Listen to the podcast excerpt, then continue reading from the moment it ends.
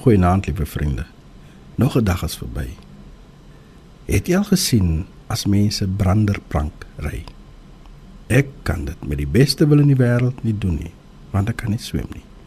Maar hoe groter die golwe, hoe sterker die wind, hoe beter is dit vir hulle. Hulle soek na golwe. Hulle vra na wind. Is interessant dat Petrus het bang geword toe hy golwe sien want in Matteus 14 vers 30 staan daar. Maar toe Petrus sien hoe sterk is die wind, het hy bang geword en begin sink en uitgeroep: "Here, red my." Interessant.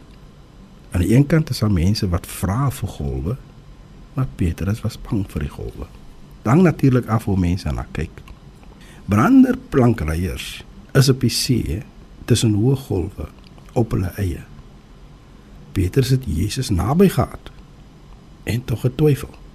Die lewe het die geneigtheid om 'n mens te laat vergeet van die Here Jesus se nabyheid. Ja, ons ook. Wanneer die golwe van die lewe vir ons te groot raak, dan raak ons bang.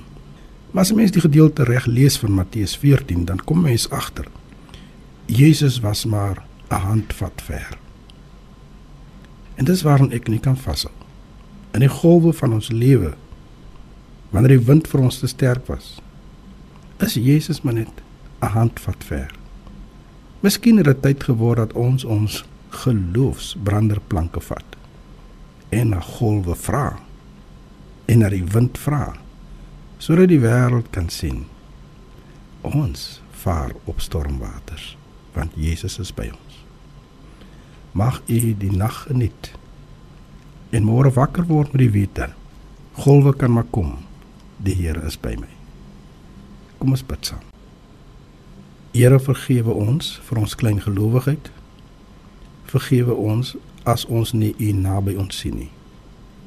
Vergewe ons as ons bang word vir golwe en bang word vir wind. Amen.